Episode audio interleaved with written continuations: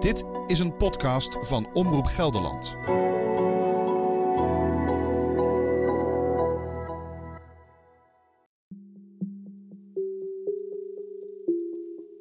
Mijn vrouw lag wel in bed, maar ik zat nog beneden. En toen belde mijn, zus belde mij. Die had op Facebook gezien dat Robert had, had kreten geplaatst van... kom naar een morel, ze willen me vermoorden, bel de politie, bel 112. En, en toen zei ik van ja, ja hij, hij had vanmiddag een psychose gehad. Ik, ik- denk dat hij weer last heeft van een psychose, dat hij in de war is. Want ja, niemand verwacht natuurlijk dat, dat dit erg is dat iemand hem wil vermoorden. Dat, dat denkt natuurlijk niemand. Hij, was, hij, was, hij zat gewoon thuis, hij was op zijn kamer. Dat, ja, je wordt natuurlijk toch ongerust. Dus ik, ik heb geprobeerd toen om, om begeleiding te bellen. Ik heb van een stuk of, nou, ik denk acht begeleiders, heb ik telefoonnummers, allemaal verschillende nummers. Dus ik ging bellen, maar ik kreeg al, alleen maar voicemail. De dag. Dit is de voicemail van 065. Dus nou ja, op een gegeven moment begint de paniek dan een beetje toe te slaan. Toen ben ik noodnummers gaan bellen. Kreeg ook niemand, werd doorverbonden, kreeg ook niemand te pakken. Probeert u het later nog eens. En ik had één nummer van een bewoner, medebewoner van Robert. En toen die pakte toen op. En toen heb ik aan die bewoner gevraagd: Oh, wil je eens even naar beneden lopen? En even, dat ik even een begeleider kan spreken. Hoe, even weten hoe het met Robert is. Want we hebben allemaal meldingen. Hij zet dingen op Facebook. Dus, dus, dus toen ging die bewoner zei: Oh, dat is prima. En die liep met de telefoon naar beneden. Toen werd hij op de trap tegengehouden door de politie.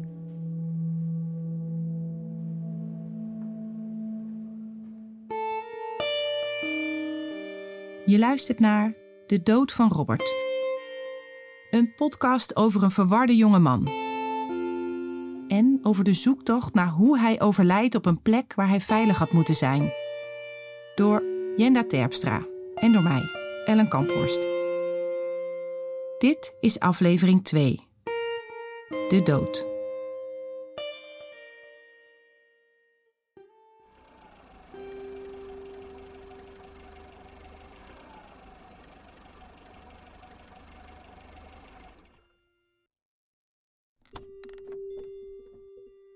Ben ik weer, aan de Morel.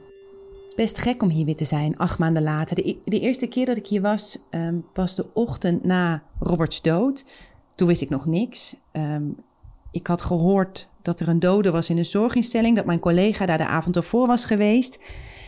En dat ik nu moest. Ehm, nou, en dan rij je al etend van je boterham, 's ochtends vroeg in het donker hier naartoe. Ehm, toen zag ik Elstar. Toen dacht ik, hé, hey, zal Morel ook vooruit zijn? Nou, toen kwam ik hier aanrijden. En dan zie je die politielinten en cabine van de politie. Ik zag de satellietwagen van de NOS, want die waren hier met het eh ochtendradionieuws.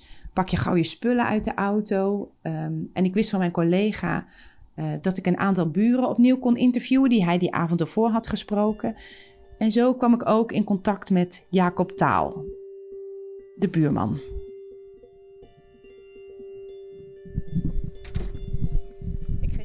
En dan maken we straks weer onze handen schoon en dan. eh, Ja, het is niet echt lekker weer voor een wandeling, maar eh, laten we het toch maar doen. Even kijken, we zijn nu jouw voordeur uitgestapt en dan gelijk rechts. Ja, Hier is het al. ja, dat klopt inderdaad. Want waar zijn we hier? We zijn hier op de Morel. Eh, de Morel bestaat uit eh 2, 4, 6, eh 7, 8, 9, 10, 11, 12 huishoudens. Plus het RIBW. Ja, het nou is ja, echt zo'n richting de buurtje achterliggende wijk. waar, waar je je kinderen wil laten opgroeien. Ja, Weet je, ja, mooie absoluut. huizen, eh, g- grote huizen, autoluw. Ja, Eh, ja. En dan, dan staat daar op de hoek staat dus eh, een, een wat groter pand. En eh, dat is dus het RIBW. Je kan daar eigenlijk niet naar binnen kijken, want er hangen overal eh, gordijnen voor de ramen. ja, ja. Terug naar 19 februari 2020. Voor de buren begint het als ze geschreeuw uit het pand horen. Door dat geschreeuw eh, belde mijn vrouw eh, mij ook op. Hè. Dan gaan we, gaan we echt terug naar het begin van het verhaal. Belde mijn vrouw op van, van ja, er komen hier rare geluiden vanuit het RBV. Er komt geschreeuw vandaan. Eh, ik heb de politie al gebeld. Dat was om tien over acht. En om uh, half negen toen, uh, toen heb ik nog een keer contact gehad met mijn vrouw. En toen uh, had zij al een tweede keer de politie gebeld. En een, om vijf over half negen kwam ik aan. Toen heb ik nog een keer gebeld. En toen hoorde ik dus zelf het geschreeuw. Ik moet hier opnames van maken, denkt Jacob Taal. Let op, dit zijn heftige geluiden. Ik neem het even op, want ik wil dat... Ja, dat, ja we wonen hier vlakbij, joh. Steekwapen, bloed, alles. Steekwapen. Ik ga het al zo vermoeden. Nou, leer het dan maar, want dan zit ik ben ik. Ik ben vervolgd, dus zei alles. Dit doe je niet op straat. Ik word gewoon opgehangen. Werd er 112 gebeld en wordt er dan gewoon opgehangen? Inmiddels is het al bijna een half uur nadat Taals vrouw voor het eerst gebeld heeft. En er is nog geen politie. Uh, hou hem tegen en er werd gesproken over een, over een wapen. Er werd gesproken over bloed overal en kom snel. Ja, dat is wat wij direct uh, meekregen. Er was een raam ingegooid, dus we konden alles heel goed, heel goed beluisteren. Op de lijst die ik de ochtend na de dood van Robert van Jacob Taal kreeg, staat dat door de buren zeker vier keer de politie is gebeld.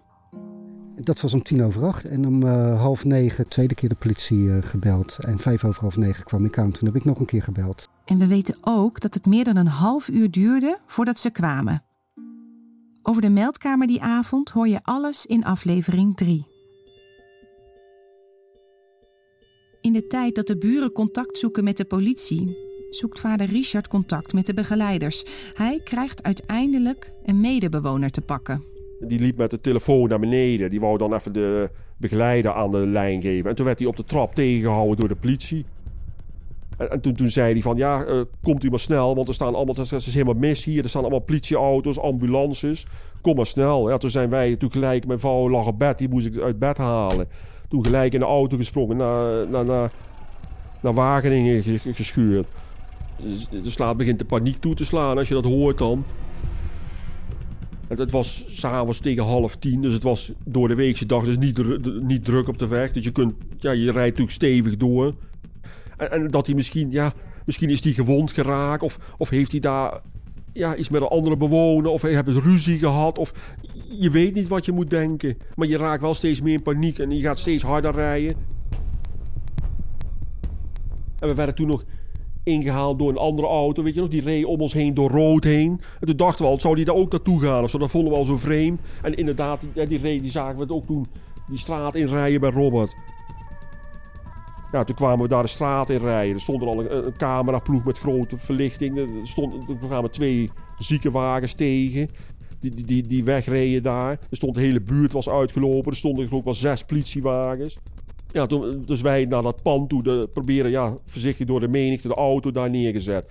Eruit gesprongen. En toen wouden we naar binnen rennen. En toen werden we door de politie tegengehouden. Ja, wie bent u? Ja, wij zijn de ouders. En ja, we willen naar binnen, we willen naar onze zoon.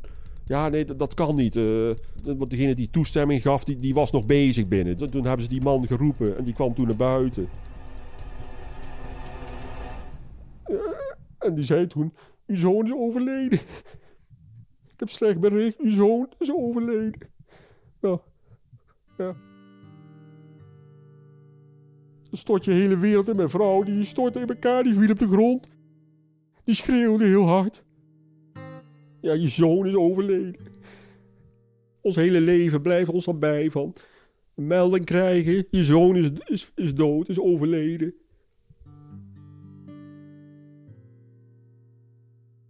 Die middag hadden Richard en Cecilia nog hoop. Hun psychotische zoon zou eindelijk opgenomen worden door de crisisdienst. En van daaruit zou alles beter gaan. Eindelijk. Een paar uur later is er geen hoop meer. Alleen intens verdriet. Ja, ja toen, was het, toen begon eigenlijk het lange wachten. Want we hebben drie dagen heeft het geduurd voordat we Robert eindelijk konden zien, het lichaam. Maar in het begin weet je niks. De familie recherche die had niet gebeld, hadden natuurlijk geen nummer van. Dus we, alleen, we hadden alleen contact met de wijkagent. En die zei dat ze ochtends zouden bellen om tien uur. Maar er werd allemaal niet gebeld. En we hoorden maar niks. Er was inmiddels twaalf uur. Wij elke keer de wijkagent bellen. Ja, ja, die kreeg ook niemand te pakken. Zeg nou, we, we gaan naar Wageningen toe, we gaan naar het politiebureau. En ze krijgen me daar niet weg voordat ik weet waar mijn zoon is. En wat er gebeurd is. En we willen hem zien. Ja, Broertje Tommy is vier jaar jonger. Hij studeert accountancy en is op het moment dat zijn broer sterft in het buitenland. Hij is op studiereis in Londen. De laatste dag dat we naar huis zouden gaan, ik werd eh, door mijn docentenwerk naar een kamertje geroepen. Want eh, we wouden echt net vertrekken. We hadden onze tassen, we zouden naar de bus lopen. Ze zei, ja Tommy, kom maar even. Ja, kom maar even. Ik zei eh, tegen zijn klas, ja, kom zo. Zij zei, nee, nee, nee, kom maar even. Ik dacht, oh. Dus ik werd naar een kamertje geroepen. En dan zei ze, ja, je hebt je vader aan de telefoon. eh, kom maar even praten. Ik dacht, oh. En ik dacht, ik denk gelijk natuurlijk mijn opa en oma. Dat, is het eerste waar je er natuurlijk aan denkt. Ik denk, oh, die, misschien is het daar wel mee gebeurd of zo.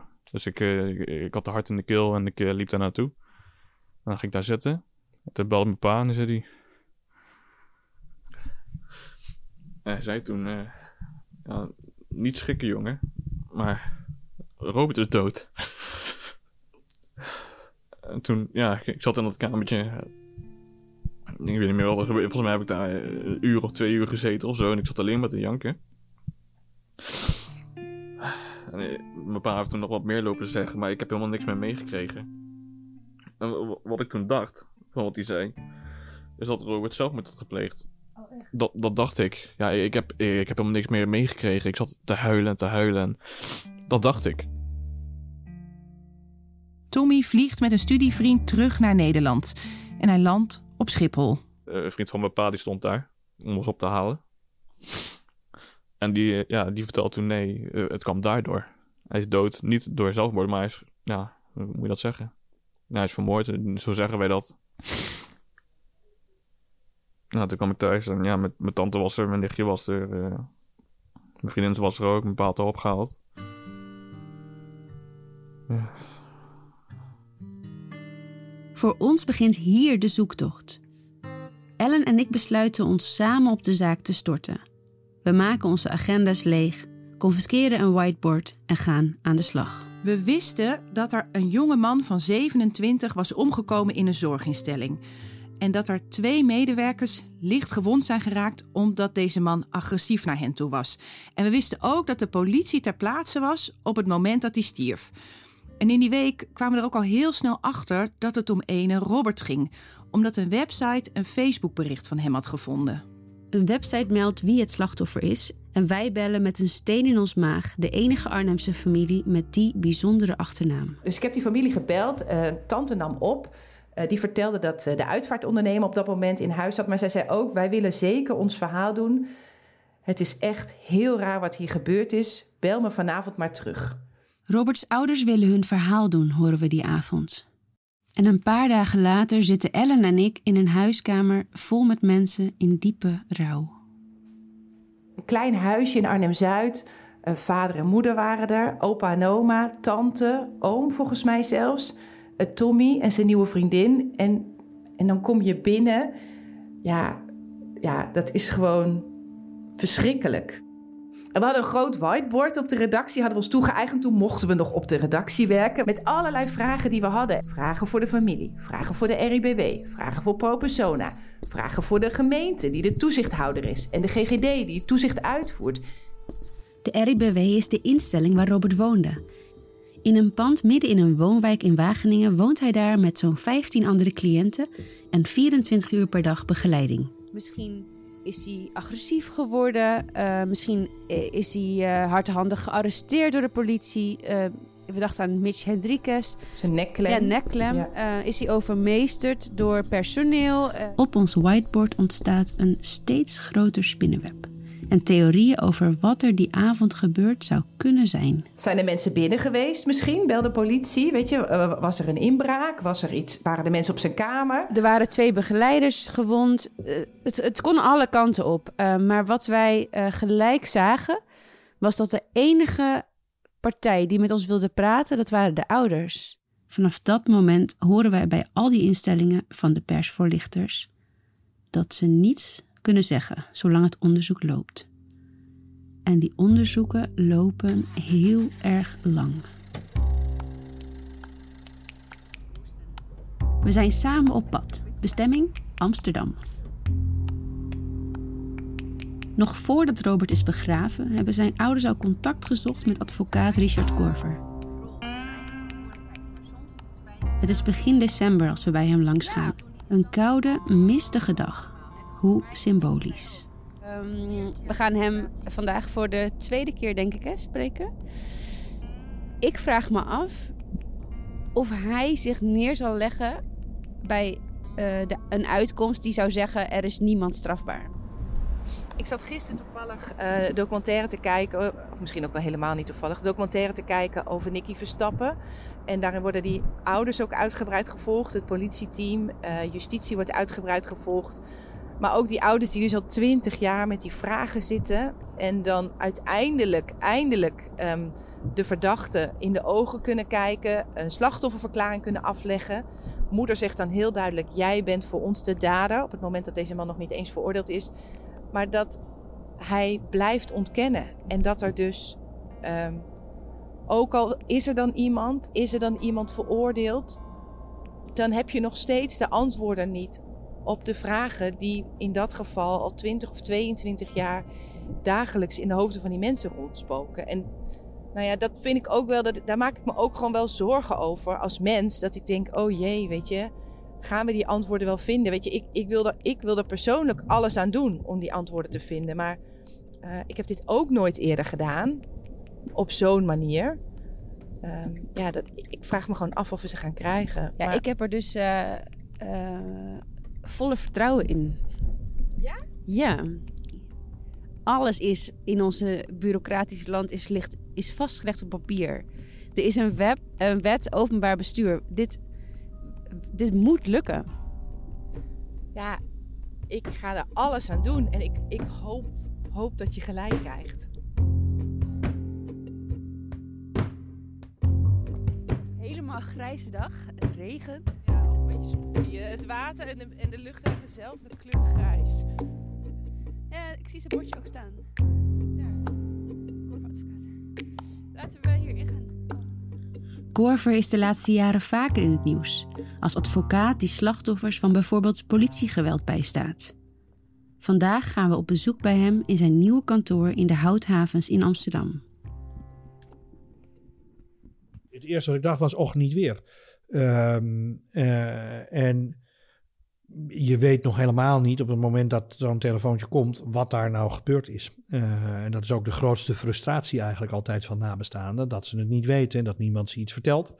Dat is een goede reden uh, dat dat niet gebeurt, maar dat is wel het frustrerendst. En waarom heeft u deze zaak dan aangenomen? Nou, omdat ik denk dat het heel belangrijk is voor familie om uh, de waarheid boven tafel te krijgen. Om ook een soort gids te krijgen, want je krijgt nogal wat over je heen. Naast het feit dat je opeens uh, je zoon kwijt bent, uh, in dit geval.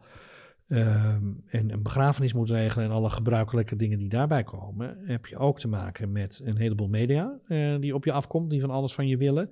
Um, er bleek al heel snel in de media commotie te ontstaan over het handelen van de politie. Terwijl mijn cliënten ook nog zelf uh, heel veel bedenkingen hadden bij het handelen van de RIBW. Uh, dus dan heb je opeens al twee partijen waarvan je denkt: gaat het eigenlijk allemaal wel goed? Dan kom je erachter dat er ook nog een uh, beoordeling is geweest door pro persona op dezelfde dag. dus dan wil je eigenlijk ook daarvan weten: ja, maar hoe zit dat nou? En maar wat je natuurlijk vooral wil weten is: waarom is dit gebeurd en had het niet voorkomen kunnen worden? Eigenlijk alle betrokkenen die houden hun kaken op elkaar. Die zeggen, ja, sorry, er loopt een onderzoek en wij doen geen mededeling. Een heel groot deel van mijn werk in zo'n beginfase bestaat uit het uitleggen aan nabestaanden waarom dat zo gaat. Uh, en proberen uh, uh, dat ze dat begrijpen. Ik wil niet zeggen begrip daarvoor kweken, dat gaat te ver, maar ik probeer er wel voor te zorgen dat ze het begrijpen. Want als jij iets begrijpt, dan kun je dat makkelijker een, een, plek geven. En dan kun je ook makkelijker toch nog iets met je emotie. dan wanneer niemand je dat uitlegt. en je maar tegen een stenen muur blijft bonken. Want dan word je eigenlijk alleen maar bozer. Het, het, het gaat hier eigenlijk om uh, mensen die geen stem hebben. Uh, dit zijn mensen die weggestopt zitten, nou ja, in dit geval in een RIBW, uh, soms ook in een psychiatrische kliniek, soms in een jeugdzorginstelling, soms in een, in een uh, ziekenhuis. Eh, maar waar eigenlijk als je niet uitkijkt, niemand voor opkomt. En nou heeft Robert gelukkig eh, een, een strijdbare familie, hè, die daar wel voor op wil komen, maar helemaal niet weet ja, hoe ze dat moeten doen. En dat is logisch, want het is een vrij complex vak, kan ik u eh, eh, vertellen. Eh, ook voor een advocaat. Want je moet verstand hebben van strafrecht. Je moet verstand hebben van gezondheidsrecht. Je moet een beetje verstand hebben ook van bestuursrecht. en je moet verstand hebben van civielrecht. nou, dat is best ingewikkeld. Ehm, en als je dan gewoon een normale burger bent die iets heel anders doet ja, dan, dan is het denk ik heel lastig om die routes allemaal zomaar te vinden we zijn nu nog druk bezig met eigenlijk het zoeken naar al die puzzelstukjes. Om te kijken hoe die puzzel in elkaar past. En denkt u dat als we elkaar over een half jaar of misschien over een jaar weer spreken. Ehm, ja, dat de puzzel dan gelegd is, dat het compleet is, dat we weten wat daar gebeurd is en dat we ook weten wie er verantwoordelijk is voor de dood van Robert. Nou, je komt een eind wel, denk ik, in het leggen van uh, de puzzelstukjes van wat is daar gebeurd. Um, of je ook al weet wie is daar verantwoordelijk, dat denk ik niet. Um, omdat veel van de mensen die verantwoordelijkheid niet willen nemen. Uh, dus die zullen zich verzetten. Als, als, als wij zouden zeggen, ja, wij, wij rekenen u dat aan, dan loop je het risico te zeggen, roepen van nou nee hoor. En dan moet je daarover gaan procederen, in het ergste geval. En als men de verantwoordelijkheid niet neemt, is het een zaak van een lange adem. Uh, je, je kunt ook hopen, en soms helpt het dat de pers meekijkt, uh, dat men denkt, oh wacht even, uh, allerlei mensen gaan nu meekijken. Het is niet alleen maar de familie Dungers die moeilijk doet, maar er wordt nu ook een maatschappelijk belang aangehangen. en dan moet men daar toch misschien wat anders op gaan reageren. Dat zie je natuurlijk wel vaker. De pers kijkt mee. Ellen en ik kijken mee. Al die vragen op ons whiteboard zijn niet alleen relevant voor nou ja, ons eigen verhaal, maar ook voor de zaak, zegt Korver.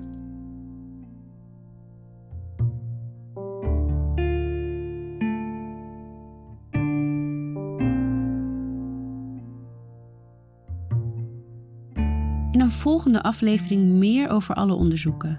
Nu eerst terug naar de familie.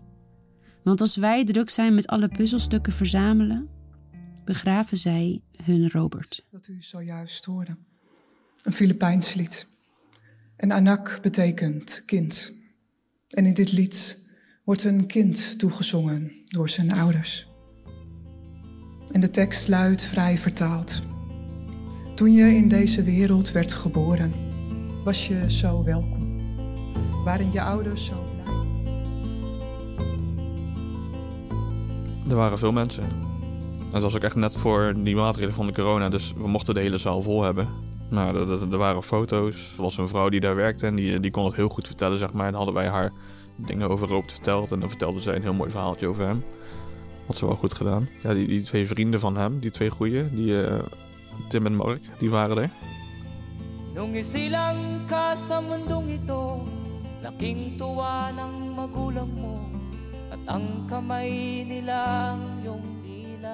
Voelde me toch al een stukje vereerd.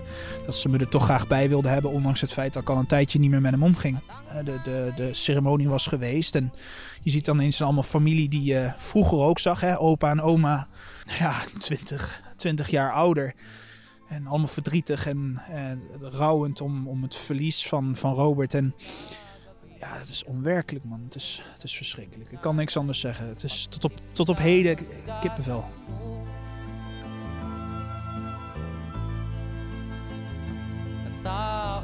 Umaga na may kalong ka ng iyong... begrafenis was goed geregeld. Dat hebben ze heel goed gedaan. Dat was ook de enige wat goed geregeld was voor hem. Ayun nga ay malaki ka na Nais mo'y maging malaya Iedereen zei ook, ik, ik had ook zelf het gevoel... Ja, ik, ik moet daar liggen en mijn vader... Die heeft Alzheimer, maar die, was, die was, is toch redelijk goed. Die zei ook, ja, dit is de verkeerde volgorde. Dat gaat de jongste. Gaat eerst. Aan de ene kant heb je zoiets, ja, het moet ook een waardig afscheid worden. En het is gelukkig ook geworden. Met alle, alle steun van familie en vrienden.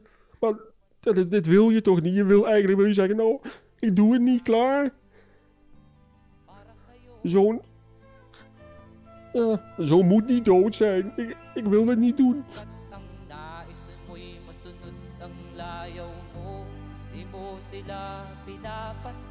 Wij hebben de betrokken zorginstellingen RIBW en ProPersona meermaals verzocht om te reageren. Maar vanwege de privacy en het medisch beroepsgeheim willen zij geen vragen beantwoorden. Je luisterde naar aflevering 2 van De Dood van Robert. Gemaakt door Ellen Kamphorst en door mij, Jenda Terpstra. Peter Kluiver deed de eindmontage. Maarten Dallinga coachte ons. Wij werken bij Omroep Gelderland. Volgende week aflevering 3.